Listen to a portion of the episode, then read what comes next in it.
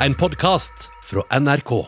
Landslagstreneren måtte legge opp til mindre trening enn planlagt, fordi han visste at skøyteløperne på laget kom til å trene ekstra i skjul, og den verste til å tjuvtrene Hvem tror du det var? Det var Johan Olav Koss. Selvfølgelig var det han! Og i denne episoden her så skal vi opp på pallen inne i garderoben med utøvere som tok rubbel og bit. Velkommen til sporten. Sporten med Carina og Carl Andreas.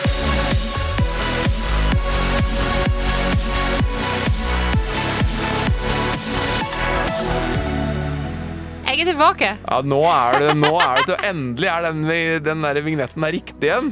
Det, nå, nå spiller jeg det. Å, fytte grisen, vet du. Du, Det har vært veldig hyggelig å høre på både deg og Nina mens jeg har vært borte, men, men det, er, det er gøy å være tilbake. Ja, det er veldig godt å ha tilbake. Du har jo knapt nok vært eh, borte her. For du er ikke, du er ikke liksom ferdig med mammapermen, det må vi bare si. Nei, det er på ingen måte. Men øh, jeg har med meg Anna. Ja, Eh, hun er litt over seks uker. Jeg har lov ifølge Nav sine regler å jobbe litt igjen. ja, Og jeg syns det er så gøy. ja. Og vi skal jo bare snakke om sport, så skal, ja, ja. Og det, det snakker du jo du om selv om du eh, er blitt tobarnsmor. Ja, ja. Altså, eh, det er Sporten-podkast hver dag 24-7 eh, hjemme hos oss. Og jeg hadde jo en sånn ørliten plan her, fordi at eh, nå kom du tilbake. ikke sant? Og du er ikke bare at du kom tilbake, men, men du har med et, en, en baby til og med. Og så tenkte jeg det her er jo sånn som må feires, men så kan man jo ikke gi hverandre klem, ikke sant? Og Ja. du liker egentlig ikke å klemme heller. Jeg hadde nok klemt deg. Ja, vi hadde kanskje gjort det, da. Men så har vi ikke gjort det. Det er jo litt rart når man kommer med baby. Altså det, men nå, altså jeg var på butikken, og så det her kjenner kanskje ikke du igjen, men jeg kan bli litt sånn ivrig noen ganger.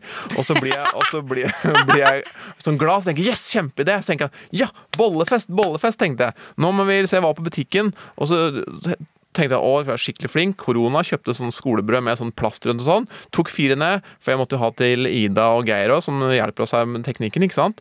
Kjøpte fire dødsbra, det her blir fest for Karina. Og så kommer vi på Fuck, hun har glutenallergi. Å, på fy det. faen. Den jævla cøliakien som Ja, ødelegger så, så, så, det, så da, det var sikkert dårlige sånn koronaregler òg, så jeg la det jo tilbake. da For da følte jeg at jeg tenkte for jeg kunne kjøpt tre, så kunne jeg gitt til Ida og Geir og meg. Men så det var jo dritdårlig gave bollefest for deg som kom hjem og ikke få. Så da ble det da litt sånn som du sa, for du bestilte det på et vis, da. Men da Så da ble det peanøttkubbe. Ja, det er jo Eh, så velkommen tilbake. Eh, og så kan vi andre kan spise boller etter at du har dratt, f.eks. Ja. Men vet du hva, altså, jeg jo, jeg, selv om jeg ikke kan spise det sjøl, Ja. det lukter så sinnssykt godt av nystekte boller og kanelboller at jeg at jeg blir litt lei meg hvis folk ikke spiser. Ja. Fordi, fordi at jeg får en slags nytelse av at andre spiser kanelboller. Jeg vet hvor godt det er. Ja, Men å feire deg med lukta, det, det, det gjorde du ikke denne gangen. så da ble det kubbe som du får kose deg med seinere. Men, men nå har du vært borte lenge, da, og det har skjedd masse sport. Og, og, og da, da lurer jeg rett og slett på hva, hva føler du nå? Hva føler du nå? Og det er en skandale! Det er fiasko! Og da kommer tårene! Hva føler du nå? Ja, altså Det er jo sinnssykt mye å føle på, eh, og det har jo vært eh, ekstremt masse gode prestasjoner i løpet av de her to månedene. Eh, jeg har kosa meg med å se på sport. Jeg har jo det. Litt kjedelig Tour de Ski når det ikke var noe nordmenn der, det må jeg si. Jeg orker ikke å se så mye på denne monsterbakken da. Jeg tror det har vært for, sånn for mange, tror jeg. Men det som har skjedd eh, i løpet av de her ukene, er jo at Manchester United har vært tilbake på toppen i Premier League. Nå er de ikke der akkurat nå, for Nei. de tapte jo i går mot Sheffield United hjemme. Det er helt Kjempelag. håpløst. Da er i veldig god form, Sheffield United òg. Fikk sin andre seier bare for Ja, sesongen. Så det for det, liksom det er sånn- liksom sånn, De må jo til slutt vinne, og så selvfølgelig så, så skjer det når de skal spille mot United. Ja. Så et lite feilskjær her. Men jeg syns allikevel at det er så gøy at Ole Gunnar Solskjær, som jeg er på hils med, liksom Jeg vet at når, hvis jeg møter ham på gata, så hilser vi. Det er rått. Jeg, jeg, jeg, jeg er så barnslig at jeg syns det. Ja, det er, det er rått. Eh, de er de, de er altså med i tetkampen, og det har vært så mye slakt og så mye drit eh, rundt eh, prestasjonene der, og dårlig spillergruppe, og klarer ikke å samle garderoben, og bla, bla, bla. De har jo sin beste sesong på flere år. Ja. Og, det, og det er og, og, og han har jo på en måte hatt ni liv, og han, bare han taper én kamp, så vil de jo sparke han. Men så lenge han er oppi der han er nå, De kan ikke kan sparke en ikke sparke han. som, som kjemper om, om ligagullet. En ting er at de er ute av Champions League og, og ikke med i de der cupene, men det er jo serien som teller. Eh, og det er jo alle de 38 kampene i løpet av sesongen som skal vinnes eh, og, og, kjempes med Nå lages det litt lyder her. Det, su det suges. det må vi bare leve med i, i denne nye hverdagen. Kontinuerlige matpauser. Veldig koselige lyder. Veldig, veldig Ja. Og så blir man liksom, eh, selv om man blir litt irritert for at United taper mot Sheffield United, så Fins det viktigere ting i livet? Ja, det gjør det. Så, så når det blir sånn Å, herregud, slapp du inn det målet så tidlig? Og så kommer det bare sånn Lyd ned på puppen. Da tenker jeg ja, ja, men det går fint. Nei, Jeg skjønner at du måtte ta opp United nå, men det har jo vært veldig mye annet som skjer. Altså, Det ble ikke noe VM-gull for håndballgutta heller. Det var jo veldig dumt. Og så eh, Andreas Mikkelsen har vunnet Rally Monte Carlo i den VRC2-klassen. Det har vært masse som har skjedd. Men én ting må jeg si, og det er et lite OBS-OBS. Og det er for det er tydelig at uh, Jeg har nemlig fått en melding. Jeg har fått en beskjed, og jeg har lest det i Nordre Aker Budstikke, at eh, Pål Hans Ullevålseter, som var vår gjest tidligere, eh, og drev og kødda med skia til folk. Ja. Eh, folk har begynt å ta med skia inn på Ullevålseter. Har de det? Ja. Så nå har Ullevålseteren fått kjeft av foreldrene sine. Fordi at, eh, og da vil jeg bare understreke det at eh, For det er jo ikke plass til skiene der. Nei. Men da vil jeg bare understreke at disse historiene var altså fra når Pål Anders var liten. Ja. Så Han har dri- slutta med han det. har slutta, han driver ikke så mye, i hvert fall. Han, han driver ikke så mye med det nå. Så la skiene stå utenfor der. Uh, og, Men det er jævla gøy hvis han driver og kødder til skiene til folk. ja, det, Det er det. det er- Du, Pål Anders, hvis du hører på det her, kom til Solhjøgda. Det er masse folk der som går på ski i helgen. Du kan ha det skikkelig morsomt der òg. Ja, Og hvis du på døde liv må ta med skjea dine inn, eller hvis noen har smurt det om på kødd, ta bilde av det, send det til sportenpod.nrk.no. Der kan du også sende mail med masse andre gode tips uh, som vi kan bruke i en sending her. Men, men skia dine er trygge, altså, på Ullevålseter. Opp på pallen og inn i garderoben. Det her er sporten. Endelig skal jeg få lov til å komme meg opp på pallen igjen. Sittet, altså Man blir jo skada der, så jeg sitter jo og rangerer absolutt alt eh, som skjer rundt i verden. I tilfelle vi skal ha om det på, på pallen i podden. Men i dag så skal vi jo altså, eh, inspirert av Johan Olav Koss, eh, ha pallen i eh, Utøvere som, som tok rubbel og bit. Det, det gjorde jo han på Lillehammer. Det hadde vel eh, tre sjanser der og tok eh, tre OL-gull og tre verdensrekorder. Så det var jo på en måte helt spinnvilt. Men det er andre utøvere også det er så mye å som eh, virkelig har klart å herje i sportens verden. Og eh, hvem har du på bronse i din pall i rubbel og bit? Mesdames et messieurs, médaillés de bronze, Ladies and gentlemen, the bronze medalist. Det er altså så mye å ta av, eh, og, og jeg har jo tenkt eh, mye innenfor skøytebanene i og med at det er Kåss som kommer i dag. Eh, jeg kunne ha nevnt Eric Hayden, som da vant alt i 1980. Jeg, jeg gjør ikke det. Du kunne hatt ren skøytepall i dag. jeg kunne absolutt ha det. For det, det er mange, altså Sven Kramer har jo altså Hver gang han stilte opp Nå har han begynt å bli nummer to etter hvert, men, men hver gang han stilte opp en periode, så vant han jo. Men jeg har tatt en skøyteløper fra Canada, Oi, som nå er eh, trener i Norge, som heter Jeremy Wotherspoon. oi. Han herja på 500 meter. Han har altså så mange verdenscupseiere. Til slutt så endte han på 67 verdenscupseiere. Han var en sprinter, veldig god på 500 og 1000 meter. eh, Og eh, dermed så, eh, så var han jo et skup da han ble henta til Norge som trener. Men eh, at, at han satte verdensrekord 15 ganger, det visste du kanskje ikke? Nei, det er helt, helt rått. Og, og, og da, han klarte jo å, å, å skaffe oss et OL-gull også, til Ja, for Odelsbuen trente altså Håvard Holmefjord Lorentzen da han eh, tok OL-gullet i eh, Pyeongchang. Men han tok aldri OL-gull sjøl. Eh, I Salt Lake City i 2002 så tryna han på den første, for i OL så er det jo to ganger 500 meter, så legges det sammen. Tryna på den første, var fortest på den andre, men det hjelper jo ikke. Så det, det gikk ikke. Men i Nagano, da fikk han iallfall sølv. Så han var jo eh, Han var ganske rå. Helt sinnssyk fyr og så elegant når han gikk der. Ah. Omtrent litt, litt sånn Håvard Holmfjord Ja, faktisk. Ja. Eh, da brukte du altså menneskelige maskiner du nå på din bronse. Eh, men jeg skal til litt sånn eh, maskiner hvor mennesker må få litt grann hjelp. For dette her er en kar som er fra Frankrike. Og jeg tror mange i Norge vet hvem han er.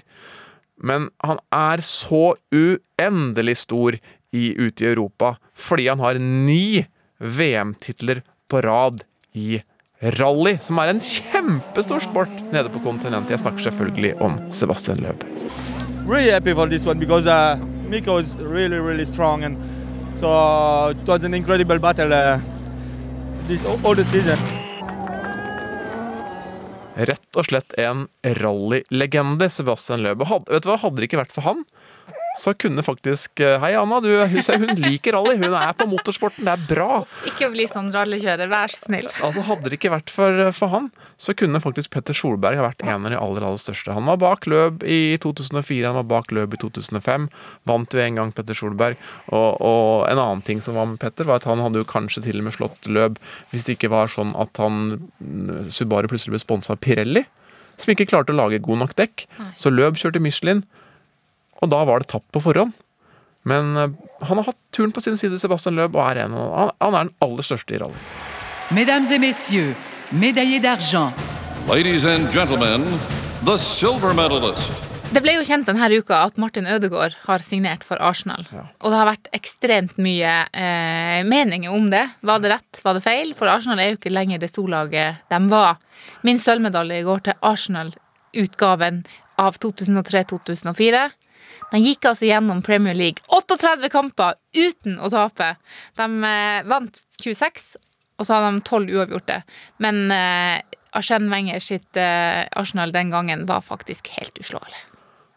han, han og det laget der uh, endra vel liksom eh, Ja. profesjonaliteten i Premier League og engelsk fotball alltid. Jan Åge Fjørtoft fortalte jo det, at med Wenger, når han kom inn i Arsenal, så begynte man å tenke på uh, 24-timersutøveren i England og i Premier League. Uh, man skulle ikke gå på fest eh, fire ganger i uka etter det, og det endra jo eh, altså kvaliteten på, på spillet.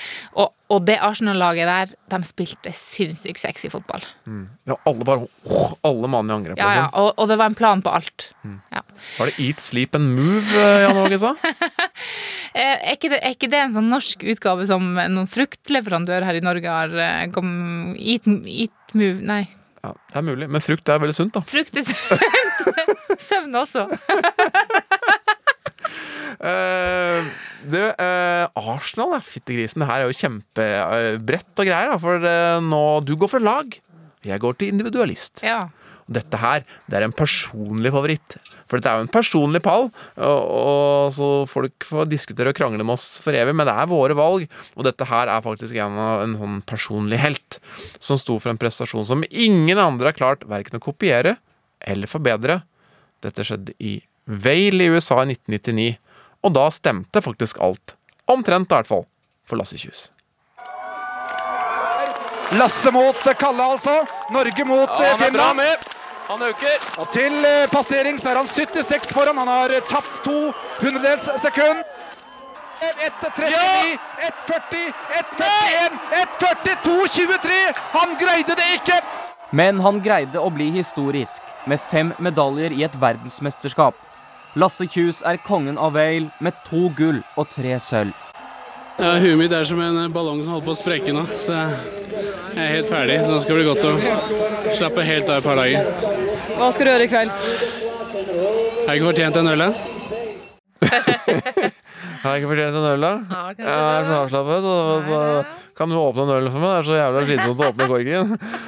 Eh, altså, altså han, eh, Hassan, De hørte det her. Altså, han vant storslalåm, han vant super-G, og så tok han eh, sølv i kombinasjon storslalåm og slalåm. Dette er alle øvelser som er i det alpine VM. Han var på pallen i alle. Men hvis du legger sammen de hundredelene han var bak de tre gullmedaljene han ikke fikk Ja. Altså jeg legger sammen 16 eller bak Åmut i kombinasjon, 11 hundredeler bak Kalle Pallander i slalåm, 3100 eller bak Herman Mari utfor. Så er han altså 58 hundredeler Ja, det- fra å ta fem gull. Det er et halvt sekund. Hvis ikke det er sølv, så vet ikke jeg. Altså, det, det, det har jeg sagt flere, så mange ganger, de utøverne som holder på med sånn her marginal idrett. Altså, når kjører, eh, Hvor mange porter er det i slalåm, liksom? Nei, altså det, det varierer litt, da, men at, at, det- at, at det kan være så likt, det er ikke Ja. til å tro. Ja, det er helt vilt. Mesdames et messieurs, médaillé d'or, Ladies and gentlemen, gold medalist. Er du klar for gullet mitt? Jeg er så klar for gullet. Er det Er det Anna, eller? Er det Anna, eller? Vil vakre Anna, om du vil. Hun, hun når opp på absolutt alle paller, men, men ikke akkurat den Ja. Hun er ikke så god i sport foreløpig. Ikke foreløpig. Eat moose leap. Min eh, gullplass kunne ha gått til Marte Olsbu Røisland, fordi at hun tok jo eh, fem medaljer i fjorårets VM i skiskyting. Eh, men når det gjelder skiskyting, så føler jeg at det er bare en konge. Og vi skal selvfølgelig tilbake til 2002. Det er mye verre enn folk aner. Mye, mye verre enn folk aner. Står litt lenge og treffer bra. Sentrum. Ja. Venstre. Ja, dette går bra. Ja da! Har du sett, tar det se. Ja! Oi, oi, oi! Ole Einar tar sitt tredje gull! Det er ingen i verden som Det er bare et fall som kan frata ham OL-gull! Tre OL-gull på rad, dere! Har du sett det, Gromgutt? King of Salt Lake og Salt Lake City Olympic Games 2002. Du er best, du er størst, Ole Einar. Ja, det var store greier.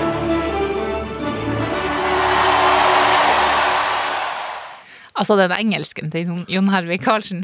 2002. Ok, la det være en digresjon. Men uh, Ole Einar tok altså fire gull. Dette var lyd fra hans tredje uh, gull, som da var på 12,5 km jaktstart. Han vant uh, 20 km, altså normaldistansen. 10 kilometeren eh, som da var sprint, og så vant han i tillegg stafett. Og, og eh, det var jo det det var på den tida. Nå er det jo 7, 8, 9, 10 øvelser i hvert eneste mesterskap når det er skiskyting, men, men da tok han det som kunne vinnes. Og en liten ting til. Det her gjorde han i løpet av en uke. Men eh, det han starta hele OL med, var å gå et langrenn. Husker du det? Vet du, når du sier det, han gikk langrenn. Ja. For han var fryktelig god på langrenn. også, vet du. Fryktelig god til å gå på ski. Tremila, som da Johan Myhlegg eh, gikk raskest i, men som han heldigvis da ble diska for seinere. Eh, der endte Ole Einar Bjørndalen opp på en femteplass. Det er, he- det er helt Ja. rått, faktisk. Alsgaard ble nummer tolv i det, det løpet. Så, eh, men han var ikke den beste nordmannen, det var Skjeldal som, som tok bronse på, på den distansen. Men eh, Ole Einar, eh, king of biatlon. Det er ikke noe rart den er statue. Du, hva er din gullmedalje? Eh, toppen av pallen. altså da, Vi er på toppen. ikke sant? Vi må til den råeste klassen, liksom. Raskeste klassen. Men vet du hva? Her er det faktisk helt umulig å velge én vinner.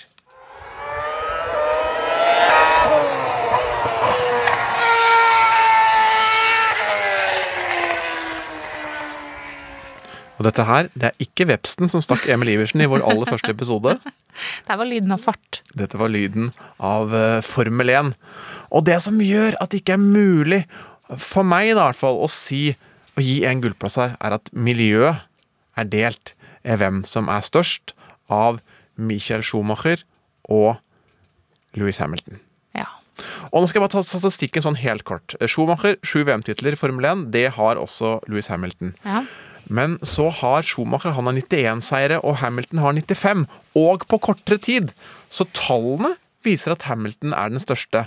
Men så kommer diskusjonen, og den går på det at det har aldri vært en bedre bil enn den Mercedesen som Hamilton kjører nå. Ja, så han kjører en så bra bil at det på en måte kanskje altså Fordelen er for stor, det er for lett. Altså ikke lett, det er jo ikke lett å vinne. Men, men altså, det er det diskusjonen på en måte går på, da. Og da kommer det her med dekk. Her kommer dekken. Det Ja. felte jo Petter Solberg. Det felte også Michael Schumacher. Schumacher. Han hadde kanskje hatt åtte VM-titler hvis det ikke var sånn at det ble lagd en regel som skulle stoppe han i å vinne. Plutselig sa de at nå må alle biler få ikke lov til å bytte dekk nå må dere kjøre samme dekk hele løpet. Og da klarte ikke Bridgestone å lage en gummiblanding som holdt et helt løp. Nei. Eh, mens det klarte Michelin, som da Fernando Alonso kjørte, og da ble det ikke da den ekstra åttende VM-tittelen. Ja. Og noe sånt har ikke skjedd med Louis Hamilton, som for øvrig vet du hva han er så god på? Vet du hvorfor han vinner så mange løp? Han er god på å trå lampen i vann. Nei, for det er andre som er raskere enn han til å kjøre bil. Men han er best til å spare dekk. Nei. Jo. Du kan ikke si at han er en av tidenes beste, også fordi han er jævla rå på å spare dekk. Han kjører kjempefort, men klarer likevel å spare dekkene, så han har ett, som regel ett dekks eh, pitstop mindre enn konkurrentene. Da skjønner jeg. Og derfor klarer han å vinne. Så han er rå, men klarer å Altså andre klarer raskere enkeltrunder, men han klarer raskere runder, altså flere på rad. da. Ja. Så, så derfor ble det rett og slett eh, Jeg skal ikke ta noe kåring her. Louis Hamilton, fantastisk fører. Michael Schumacher, fantastisk fører. Og vi vet jo ennå ikke hva som skjer med han. Vi vet bare at han ble skada i en eh, skiulykke og har vært på sykehus, og nå er han hjemme, og er han våken? Kommer han til å våkne?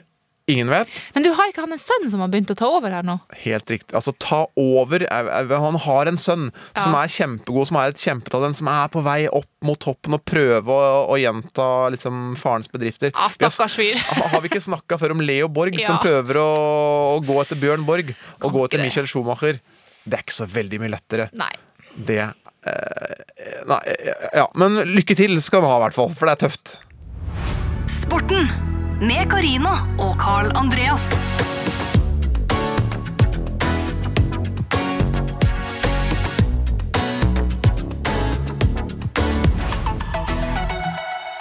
Ja, nå, nå, nå koser vi oss glugg her i studio. At, eh, og, og, og grunnen til det at det har kommet en skøyteløper her. Johan Olav Koss. Og det er så spesielt for Karina og meg. For vårt forhold, og da snakker jeg om arbeidsforhold, altså og venneforhold. Det starta jo på en skøytebane. Det var der vi møttes. Jeg for eh, TV 2, Karina for NRK. Sto der og så på skøyteløperne. Og nå vil jeg jo si, da Den største vi- av de alle. den Største av de største. Ja, og så skal, vi, så skal slippe å bli en diskusjon med Johan Olav Koss som er her. Så se, En av de største, da. Fire OL-gull, tre VM-gull i allround, ett EM-gull i allround, 23 verdenscupseiere. Og så tar jeg med fire barn og lege, Olympic Aid og alt mulig. Velkommen til studio. Jo, takk for det. Det er, er, det er, det er stort for Ja, oss. Du skjønner at det er stort for oss at du er her? Nei. Jeg, synes, jeg, jeg, jeg skjønner jo ikke det, for jeg har jo sett dere henge rundt på skøytebanen lenge etter at jeg slutta, så det var jo hyggelig. Ja. Så Men altså, det må jeg si, eh, jeg har jo hatt litt god tid hjemme i perm. eh, Jeg har sett mye på TV. eh, Og, og alle de her merittene du har, blekner jo i forhold til det du gjorde på 'Mesternes mester'. Fordi at det her var i 94 du tok de tre OL-gullene, og i 2000, nei, 2021 så har du altså klart å, å skape de beste idrettsprestasjonene igjen mener vi, 90-graderen din. Det er altså så rått. Jeg bøyer meg i støvet. Ja, Hyggelig at dere syns det. da det er, Vi kan jo bare stå her nå og så se hvor lenge vi klarer å stå. Nei, det, det- blir Nei, men det var jo en veldig fantastisk opplevelse å være med i 'Mesternes mester'. Det var uh, utrolig hyggelige folk som var med, og ekstremt mye konkurranse. eh, Nerver og og øvelser som vi aldri har gjort før, bortsett fra selvsagt Jeg har jo gjort 90-graderen. Um, men det var, jeg slutta jeg med når jeg var 16 år, så det var lenge siden sist. Ja, men, Men, du eh, trente før du gikk inn? Ja, ja. ja Vi visste jo at den kom, Ja, ikke eh, sant. så det var bare å måtte prøve å sette seg Det var tungt uh, på sommeren der. Det var mange som lurte på hva i all verden er det han gjør opp med veggen der og sitter sånn. Men, men nå, nå skal jeg liksom prøve å pirke litt her, for vi hadde jo altså Aksel Lund Svindal med i den podkasten tidligere. Ja. Han ble nummer to i den Ja. 90-graderen mot deg, Mesternes mester. Og han har nok lest seg litt opp på dette her etterpå. ja vel. Så han eh, eh, nevnte for oss her at det er jo, eller i hvert fall litt sånn på bakrommet, at 90-graderen er jo Det er mye teknikk her. Ja. Eh, Det er det. så hvor mye visste du, og, og, og hvor mye brukte du, og hvor liksom eh, Han sa riktignok du må ha et godt grunnlag, altså. Ja, det må du ha. Han påstod det, altså. Ja. Han tenkte ingen grunnlag og god teknikk, så går det bra, liksom. Nei, du må ha et godt grunnlag, men, men, du, men man kan veksle mellom ett bein og stå litt på det ene, stå litt på det andre. Hvor mye teknikk brukte du, eller var det bare rå vilje? Liksom, Ja, Koss Totalt 94-klasse? rå Liksom? vilje. Det er, jo, det, kan, det er jo nærbilder av det, så det Ja, kan du jo bare ja. se. Vi ser jo det. Aksel har, eh, det burde jo, han burde jo sett eh, lest om litt teknikk før han dro på 'Mesternes mester'. Ikke sant. Ikke sant? Det er jo sånn det er. Så du Eh, visste at man kunne liksom veksle Nei, altså, det er, på? altså du, du skal bruke mikrobevegelser lite grann. I, det er vanskelig, for at du kan ikke bevege deg så mye. Men uh, får du litt mikrobevegelser, blir det ikke like statisk, og da kan du jo kanskje klare å få ut litt bort av syra. Eh, men eh, du skal klare å stå der. Mm. Det er mange som har prøvd det òg, men den står ikke så lenge likevel. Men, eh, men det er jo klart at Aksel han, eh, det, det føltes jo deilig når han krøyp bort, da. Eh, og, svetta og lata som han ikke hadde vondt, liksom. Det, da, da var det en liten sånn seier inni meg, siden han følte liksom at eh, jeg løste oppgaver bedre enn han. Men jeg, jeg hadde en god rytme. Husk at vi var en 14-15-16-17 år. Da gjorde vi det på Strømmen. Altså, eller da trente jo på Lørenskog sammen med Svein Håvard Sletten. Og han, eh, han liksom sa at vi måtte sitte i 20 minutter. Det var liksom standard. Vi ble så lei. Ja. Så sa vi til slutt, eh, hele gruppa sa jo det at eh, hvis vi sitter en time alle sammen, eh, kan ikke vi bare slutte med den øvelsen her? ikke sant? Og da gjorde vi det. Da, siden det så satt vi aldri Men det var hele gruppa satt en time, så det, er- Så det er du, mulig. du, du har sittet en time før? Ja, ja. Ja. Jeg har gjort det. Altså. Men da, og da etter det så slapp vi. Da er jo liksom ikke Og det er jo klart statisk. Hvis du blir statisk på skøyter, da går det ikke fort. Men eh, jeg har eh, lest at du, du, du var veldig aktiv og gjorde veldig mye forskjellig. Eh, men det som gjorde at det ble skøyter, var, var, var ikke nødvendigvis skøyter, men det var bingoen i ettertid. Ja, du har hørt om bingoen, ja. Jo, jo, det var Ikke sant.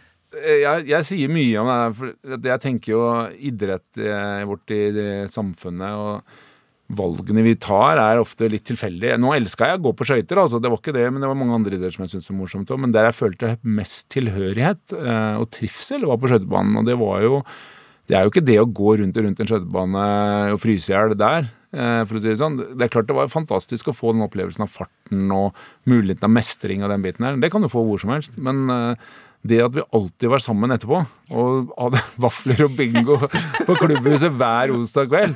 Ikke sant? Og hele familien var der. Og, men det var mange som var der, og, var liksom, og vi fløy rundt i ganga. Det var liksom en gammelt klubbhus på Strømmen stadion. Og der, der bygdes liksom tilhørigheten min til idretten. Altså, vi, har, vi har jo en del yngre lyttere òg. Eh, bingo, eh, skal du si kjapt hva det er? Altså, det finnes jo bingo ennå. Det er bare Jeg spilte faktisk bingo med ungene mine her forrige dagen. Ja. Det, men dem, det, det For det handler om å få ta, Det trekkes tall, og så skal Ja. du få fem på rad, på en måte? Er det det? Ja, fem på rad eller på tvers, eller altså diagonalvis, eller fullt brett. Da får du den beste premien. Men altså, jeg må innrømme at de barna holdt ikke lenge. Altså, det blei ikke en full linje engang før de ikke gadd noe mer. Altså. For jeg tror de, Det er jo et av problemene. Altså, stimuleringen vi har i dag, den er jo hyper, ikke sant. Ja. Det har skjedd litt. Men vi må snakke litt om, om eh, den aktive karrieren din. Skal vi ha litt lyd fra, fra 94? Kan han klare å forsvare gullet fra Albertville? 1.21,9! Og 28-8 på tredje runden. Det er bare fire tiendedeler etter verdensrekorden. Johan fosser gjennom sin siste indre. Dette her kan bli styggfort. Kommer du ned rundt verdensrekorden, så tror jeg du skal bli vanskelig å slå, Johan. Det blir det. Et 51,29!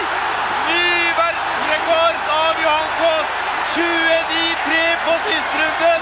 Formen er på topp. Altså, Det er jo helt rått. Altså, altså, jeg, jeg føler nesten at jeg på en måte var der, selv om jeg sto på venteliste nummer 12 000 for å komme inn i hallen. Men dette her var Altså, dette her er jo eh, 120 år siden omtrent, men likevel så er det jo helt eh, Veldig mange som har et forhold til det. Det var altså tre Det var tre OL-gull og tre verdensrekorder. Og hva var det som gjorde at du kom dit og ble så god? Hva tror du var liksom den viktigste tingen som du gjorde i karrieren din før det, som gjorde at du endte opp med å gjøre det så bra? Nei, altså, er altså Det finnes jo ikke én viktig ting for å nå den målen der. Det var jo 100 ting vi gjorde for å få lykkes i det. Og det som kanskje Sånn som hvis du skal Det at vi hadde det laget eh, at hadde de, jeg hadde de trenerne, Hans Trygve Kristiansen som landslagstrener, som hadde hele oversikten og kunne legge fram hvordan vi skulle liksom forberede oss til eh, mesterskapet. Hadde den erfaringa både fra 1980 og 88, ikke minst, med Geir, og det vi gjorde i 92 og så inn mot eh, 94. Det er jo eh, min bakgrunn fra Strømmen og Lørenskog sammen med Svein Håvard Sletten, selvsagt. Eh, de gutta jeg var sammen med på laget, altså det er helt umulig å vinne uten et lag. Det, det var en del ting, og faktisk den aller siste biten som på en måte satt ting på plass for meg, eller, det er jo egentlig Det er ofte stor frykt for å tape eh, i et eh, sånt mesterskap. Det var masse press. ikke sant? Hva skjer hvis det går gærent? Det går på dunken, som Dagbladet skrev rett før OL. Eh, og den frykten for å tape er veldig høy. Den må kunne, det må på en måte balanseres. Du må komme over, overkomme den frykten. Du må tørre å Du må akseptere at det går an å feile, liksom, for å kunne vinne. For jeg, jeg var dødsangst for at jeg skulle feile. Og jeg grein under en trapp, husker jeg, på Pers hotell på Geilo, nei, på Gol. Når vi var på samling rett før OL, det var bare noen dager før, og trodde at var, jeg kommer jo ikke til å lykkes med noe i hele mitt liv hvis jeg bommer nå. Jeg har brukt all energi i ti år for å komme hit. Uh, og jeg, jeg kommer jo aldri til å bruke like mye energi på noe annet. Og så da snakka vi litt om det, og så sa vi jo at eh, at da blir det Ja, hvis du feiler, hvordan sammenheng har det med å bli lege? Du har jo lyst til å bli det òg. Altså, da ble vi jo litt enige, da. At hvis jeg feiler, så kan jeg bli en bedre lege. For at da kan jeg jo ha litt empati for alle de som feiler. For det er jo de som kommer til deg. Ikke sant? Og det er jo godt å ha empati som lege. Det er jo mange som er enig i det. Ikke sant? Så det ble på en måte altså det, Dette blir veldig sånn spesifikt, men det blir veldig viktig å få inn den, den biten. Og laget. Det er altså kodeordet ditt som jeg har lyst til å ta videre. For dere eh, pusha hverandre mye på det laget, som førte til at dere trente mye. Kanskje har ingen trent så mange timer som dere gjorde den gangen der. Hendte dere at dere kanskje trente litt mer enn det dere skulle? Gjorde det? Gjorde det? Ja, jeg vet, det er, der har jeg så mange eksempler at jeg vet ikke hvem, hvilke det refererte, men det var jo morsomt i Incel. Da. Det var jo vel, eh, plutselig Jeg delte rom med Geir Karlstad før han eh, la opp, og da kom Plutselig så ser jeg han kommer inn svett. Ikke sant? Og han har jo bare snikt ut og trent. Ikke sant? Ekstratrening. Og da hadde vi en sånn der, eh, som vi kalte sånn helvetesøk, da, med vektvest og dro Faktisk hoppa 40 sekunder imitasjonsøvelse og 20 sekunder pause i over en time med 20 kilo vektvest, og det er jo en fryktelig øvelse. jeg bare prøver. Og så ser jeg han komme inn, og så og han hadde ikke beregna at jeg var der, så han eh, skulle snike seg inn. Men vektvesten var min, så den var jo død, død våt. Så jeg skjønte med en gang hva han hadde gjort. Jeg ble dritforbanna. Jeg sto jo opp to timer før på morgenen og gjorde akkurat det samme.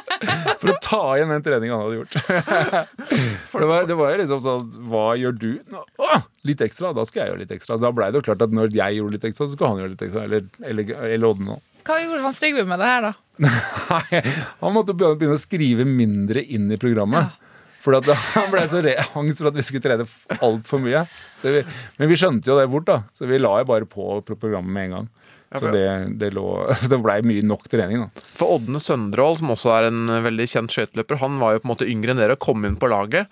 Og han, skulle, han har fortalt at når han kom, skulle ut på den første økta deres på morgenen, så dro hun ut litt før for å sjekke om det var noe spor i grusen eller snøen, for å se om dere hadde vært ute og løpt først. Ja, ja, det blir slitsomt, det, altså.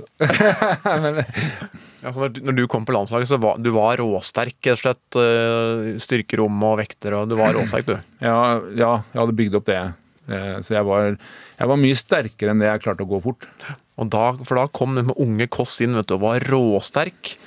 Og da eldre herremann Geir Karlstad, som på en måte var kaptein på laget, han skulle faen ikke være noe svakere, så han fikk kopiert vektprogrammet til eh, Johan. Men altså, det var så tungt at han klarte ikke å løfte stanga engang. Med den konsekvensen at han løfta i påsken, i helga, sommerferier, alt. For han skulle ta igjen han derre sterke jyplingen på laget. Så det var en utrolig Det er klart, dette her ble dere jo gode av, av å pushe hverandre sånn. Ja, det blei det. Og det er klart, når du, du, ikke, du har jo ikke alltid en god dag. Du og er ikke alltid du er like motivert når du kommer på trening. Og det er klart, når du da ser tre, fire, fem andre ulver som er supermotiverte, da tør du jo ikke gjøre noe annet. For du er jo sliten. Jeg, jeg er så sliten ja, at jeg bodde jo i femte etasje nede ved Bislett der, i en sånn loftsleilighet. Og jeg, heldigvis så var det hun i tredje etasje satt ut en benk utafor døra, så jeg kunne stoppe når jeg gikk opp, og sitte og hvile hver kveld jeg kom hjem etter treninga. For du kom deg ikke helt hjem, liksom. Nei, Jeg klarte ikke å bære bagen opp i femte etasje. Jeg måtte bare sette meg og hvile i trappa. Det var, jeg, snill nabo. ja, det var en fantastisk en god, gammel dame som, satt, eh, som bodde der. Og hun satt der, åpna døra og lurte ja, hvordan har det gått i dag. liksom. Nei, nå sitter jeg her igjen. liksom. Altså, Den benken må vi jo få satt på et museum med seg. Koss-benken. Jeg tror jeg er blitt borte, men ja, ja. Men hvor mange timer trente dere? Nei, Det er litt usikkert å si, for det, altså, vi trente Altså Med 20-treningen, da? Ja, med, ikke sant? Det er mye som ikke er dokumentert. Offisielle og uoffisielle tider. Nei, altså, Faktisk så var vi jo i trening eh, seks til åtte timer om dagen. Eh, og det var jo sju dager i uka. Hvem er, hvem er best i matte her? Hva blir det i løpet av et år? Det blir sinnssykt Det, mye. blir, ja, det går 50 timer i uka. Ja, jeg tok eh, 50 ganger 52, jeg nå, og da fikk jeg 2600. Ja, Vi hadde en måned fri i april. da, da Ja, så trekke av eh, 50 timer, da.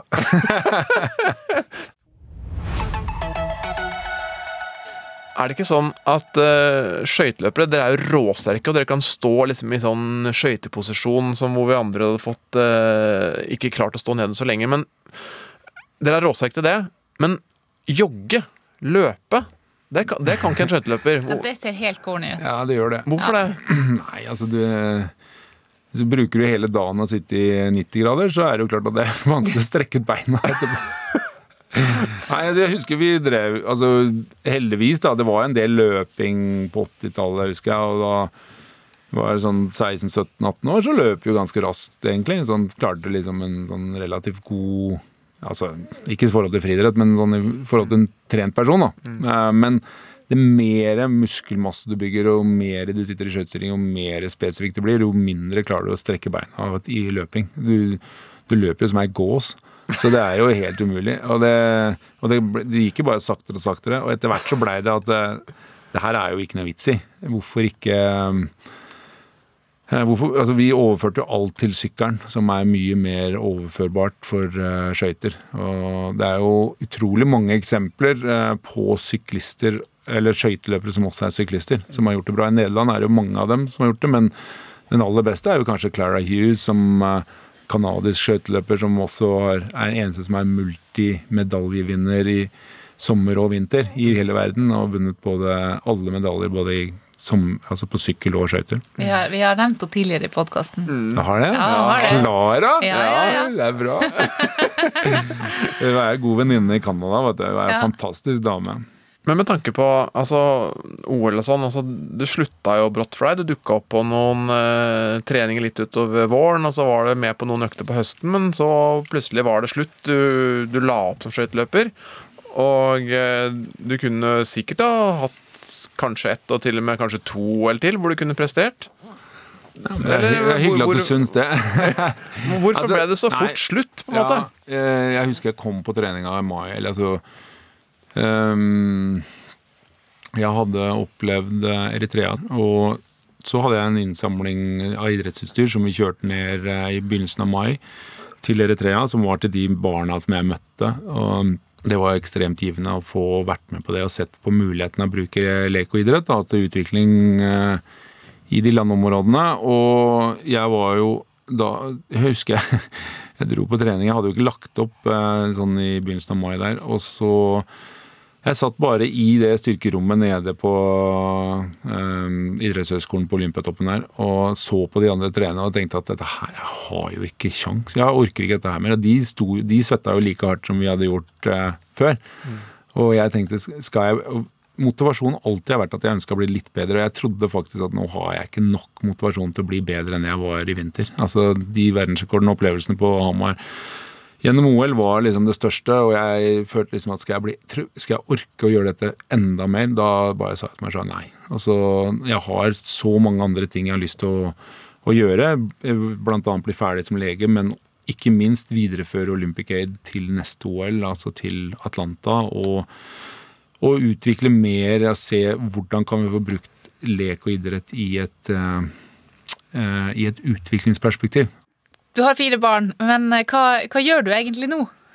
ja, hva gjør du nå? Når jeg har fire barn så skjønner jeg at man, man kanskje ikke har tid til så mye, mye annet, men, eh, men dere har flytta hjem til Norge og, og har- skapt en ny hverdag her.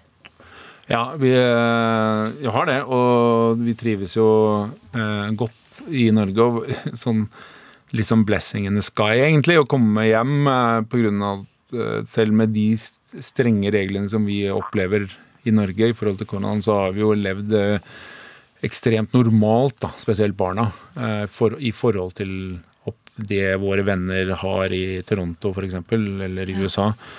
Der det har vært mye lengre lockdown og mye mindre aktivitet for barn og mye større isolasjon. Her har jo heldigvis barna fått være på skolen mesteparten av tiden og, og kunne drive aktivitet, og det er jo utrolig viktig å få i gang igjen nå, ja. når vi sitter her akkurat nå. Det er jo um, Og vi må jobbe alt vi kan for at det er mulig. Og da må vi jo, vi voksne må jo ta ansvar for det. Mm. Um, og så um, eh, det jeg jobber, jeg jobber med det altså i 20 år da, siden jeg har drevet Right to Play siden 2000 uh, er, handler jo om bærekraft. ikke sant? Det handler, først handla det om, tusen, om nå tusenårsmålene både gjennom det som er kjønnslikhet eller utdannelse eller fattigdomsbekjempelse og sånne ting. Og så utvida seg mye også innenfor miljø og, og innafor innenfor rettigheter eh, og slike ting. Og da jobber jeg jo egentlig bare gjennom et eget selskap som en investeringsplattform og som konsulenthjelp. Og så jobber jeg faktisk litt sammen med Hans Trygve Kristiansen.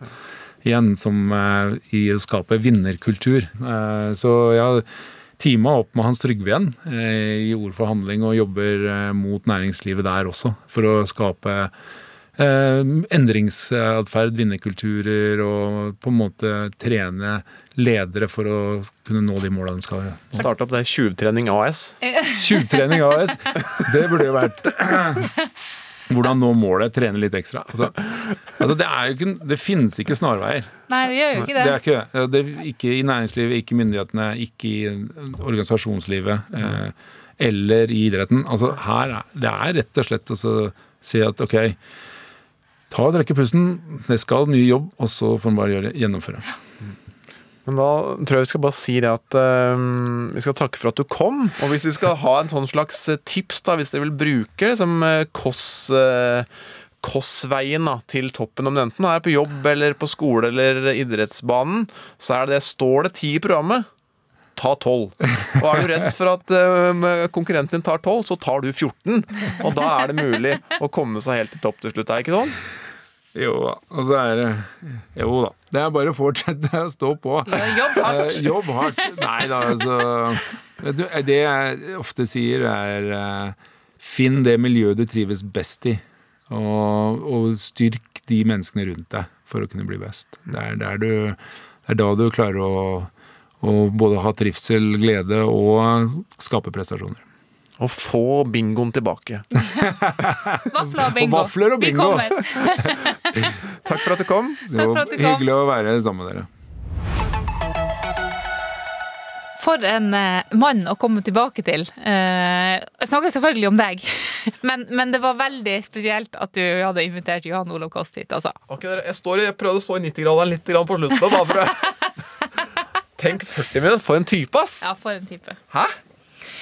Det er litt synd at han nå blir kjent som 'Mesternes mester', Kåss, eh, og ikke, ikke tre OL-gull på Lillehammer Kåss. Ja, men da, da, blir han kjent for flere, og det er for, for en eh, rå fyr. Og, og, sånn som de har holdt på å trene, jeg tror nesten det kunne tatt knekken på enhver idrettsutøver og vanlig fyr. Ja. Visste du forresten at Eric Hayden, han jeg nevnte, som tok fem, fem gull i, i 80, han kalte hunden sin for Kåss. Ja, det, det, er jo helt rått. Det er helt nydelig.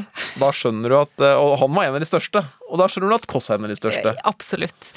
Du, det var godt å være tilbake. Ja, fy faen, det var godt å ha deg tilbake òg. Og du har ikke spist kubben din ennå heller? Jeg har spart den til slutt, for nå skal jeg, eh, nå skal jeg pendle hjem til Hole, og så skal jeg spise peanøttkubbe. Og Anna har vært strålende i sin første podkast. Jeg lurer på om hun faktisk har kosa seg. Hun har kosa ja? Ja. ja det, det, er det ingen tvil om. Men det er jo ikke bare oss tre som har styrt denne eh, podkasten. Eh, teknisk ansvarlig var Ida Laral Brenna og Geir Elle. Nå har jeg mista det helt. Det er Geir som er teknisk ansvarlig. Ja, Geir han er produsent. Han er produsent. Men det er sånn, sånn jeg har mista oversikta. Du har mista litt, men uh, dette var første episode. Neste, episode.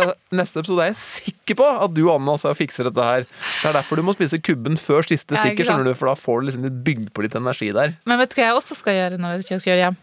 Jeg skal Nei. høre på, på podkast, og den her er jo ikke ferdig ennå, så den, den, kan jeg ikke høre på. Men jeg skal høre på en som ligger i NRK-appen. Min gode venn og kollega Kari Marie Berg hun har laga en, en serie podkaster som heter Sorgens kapittel. Mm. Det er noe helt annet enn det vi holder på med. Eh, hun snakker med kjente mennesker om døden. Om, om mennesker som har eh, blitt berørt av det i uventa situasjoner. Denne uka så er det Espen Nakstad som er eh, gjest. Han mista tvillingbroren sin. Mm. Eh, for noen år siden. I en helikopterulykke. Ja. Nakstad er kjent fra korona. Er liksom, uh... Han er korona-Nakstad, men han, han, har en bagasje der som er veldig sterk, så den skal jeg høre på mens jeg kjører hjem. Og da må man søke på Mellom oss. Mellom oss heter det. Veldig, veldig fint er det. Men uh, da gir vi oss, da. Vi gir oss for denne gangen, så ses vi kanskje neste uke hvis Anna vil. Anna vil. Anna bestemmer. Høres neste uke. Du har hørt en podkast fra NRK. Hør flere podkaster og din favorittkanal i appen NRK Radio.